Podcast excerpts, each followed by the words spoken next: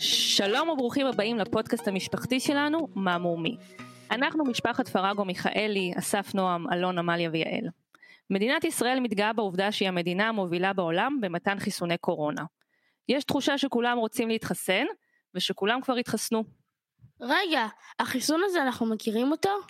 איך יכול להיות שמספרים לנו שלפתח תרופה לוקח שנים, והנה מגיעה מחלה שעד לפני שנה איש לא הכיר, וכבר אנשים מקבלים חיסון.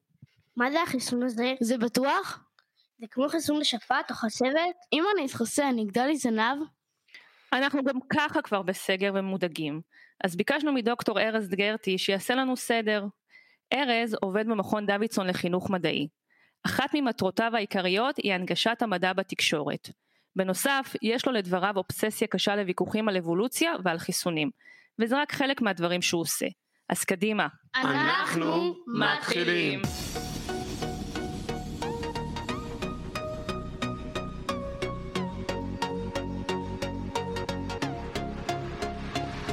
ברוך הבא ארז. תודה רבה, ברוכים הנמצאים. שאלה ראשונה אצלנו, תציג את עצמך בבקשה למאזינים. אוקיי, אז uh, שמי ארז, אני בוגר דוקטורט באימונולוגיה, אימונולוגיה זה תחום שחוקרים את מערכת החיסון שלנו, ולפני כמה שנים אני עזבתי את המחקר והקדשתי את, ה, את החיים שלי ל, להסביר על מדע, להנגיש מדע, שאנשים לא, שלא רק יהיה, יהיה מחקר טוב, אלא גם שאנשים ידעו עליו. וזה מה שאני עושה עד היום במכון דוידסון לחינוך מדעי. על מה זה החיסון הזה? מה הוא עושה? אוקיי, okay, אז החיסון החדש ש, שפותח לא מזמן זה חיסון שהוא לא כמו החיסונים הקלאסיים שאנחנו מכירים. אז בואו אני רק אסביר בכמה מילים מה, מה עושה חיסון ואז נדבר על החיסון החדש. מה שחיסון עושה, הוא מלמד את מערכת החיסון שלנו איך לזהות אה, חיידקים או וירוסים מבלי שהיא תצטרך לפגוש אותם באמת. אז מה שפעם היו עושים, היו לוקחים איזה וירוס או איזה חיידק, ממיתים אותו או מחלישים אותו מאוד, ואת זה מזריקים לגוף שלנו.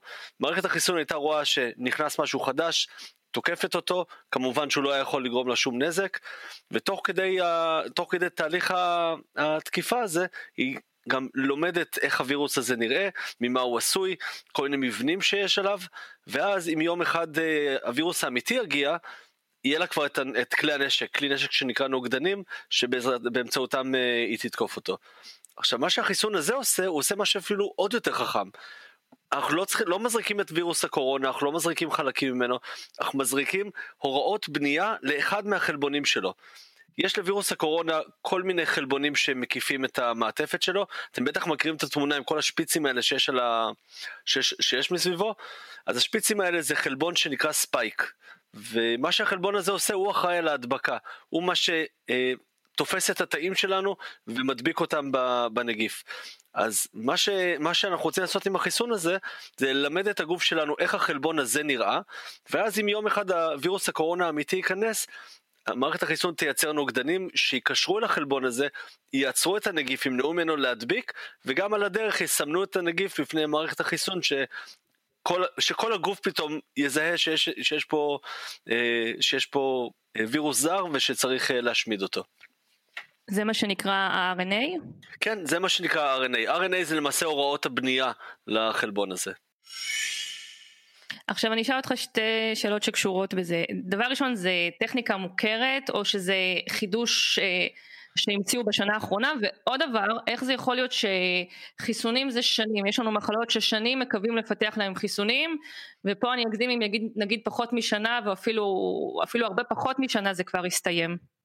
נכון אז אה, קודם כל הטכנולוגיה עצמה לא חדשה אה, זאת אומרת במונחים של, אה, של, של מדע היא אפילו די עתיקה משנות התשעים המדע מתקדם מאוד מהר אז, אה, אז אנחנו זאת שיטה שזה לא משהו שהמציאו לפני שנה ויש כל מיני ניסויים קליניים כל מיני מחקרים שבודקים יעילות של כל מיני תרופות וחיסונים אחרים אה, נגד מחלות אחרות שמבוססות על הטכנולוגיה הזאת. אף, העניין הוא שאף אחד מהם עוד לא חצתה את קו הסיום אף אחד מהם לא סיימה את התהליך ולכן זה למעשה החיסון מבוסס ה-RNA הראשון בעולם. והוא הגיע בדיוק בזמן אה, אם אפשר אה, להגיד את זה. עכשיו הסיבה שחיסונים לוקחים הרבה זמן אה, היא בעיקר סיבה בירוקרטית. החיסון שלקח לו, החיסון הכי קצר שפותח בזמן הכי מהר היה חיסון נגד חזרת שלקח לו משהו כמו ארבע שנים, זה המון. עכשיו, לפני שנה כשגילו שיש לנו פה וירוס חדש על הראש ושהווירוס הזה מדביק את כל העולם, הבינו שאין לנו ארבע שנים. זה, ארבע שנים זה הרבה מאוד זמן.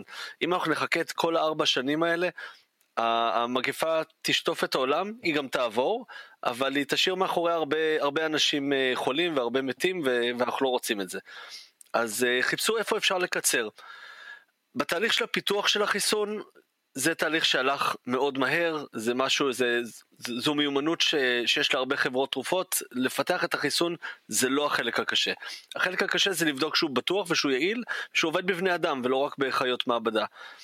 ופה אה, היה אתגר, כי רצו לוודא שהחיסון הזה בטוח ויעיל, ולא לקצר בדברים החשובים, מצד שני צריך בכל זאת איכשהו להאיץ את התהליך. אז הדבר הראשון שעשו היה לשפוך הרבה מאוד כסף.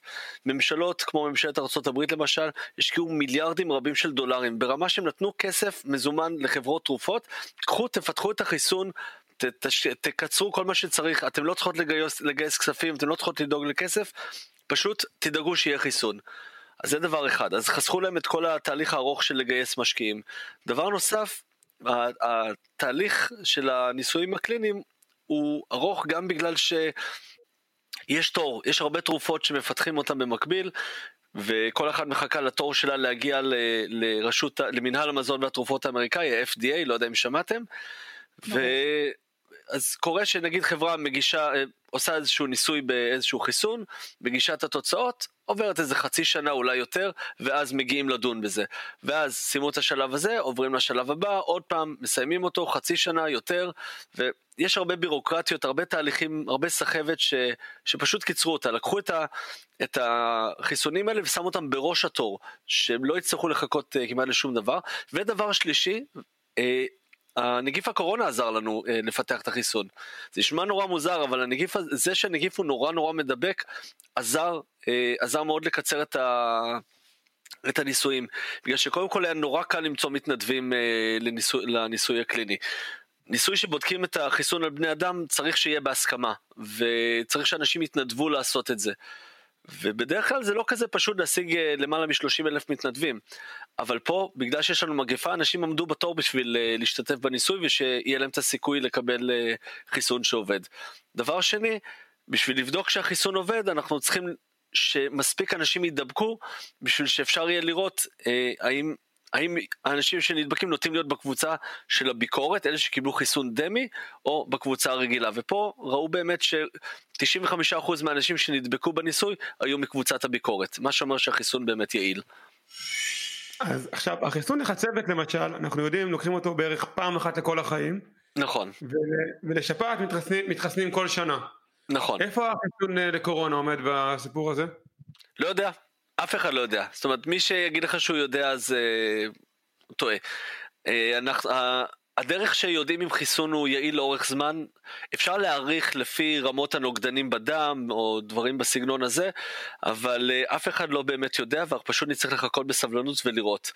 אנחנו יודעים ש, שהמחלה עצמה, כשאנשים נדבקים במחלה ומחלימים, אז יודעים שנשארת רמה מסוימת של נוגדנים משהו כמו שמונה חודשים אחרי, לפחות, זאת אומרת, יכול להיות שיותר, אבל עוד לא עבר מספיק זמן מתחילת המחלה בשביל שנדע.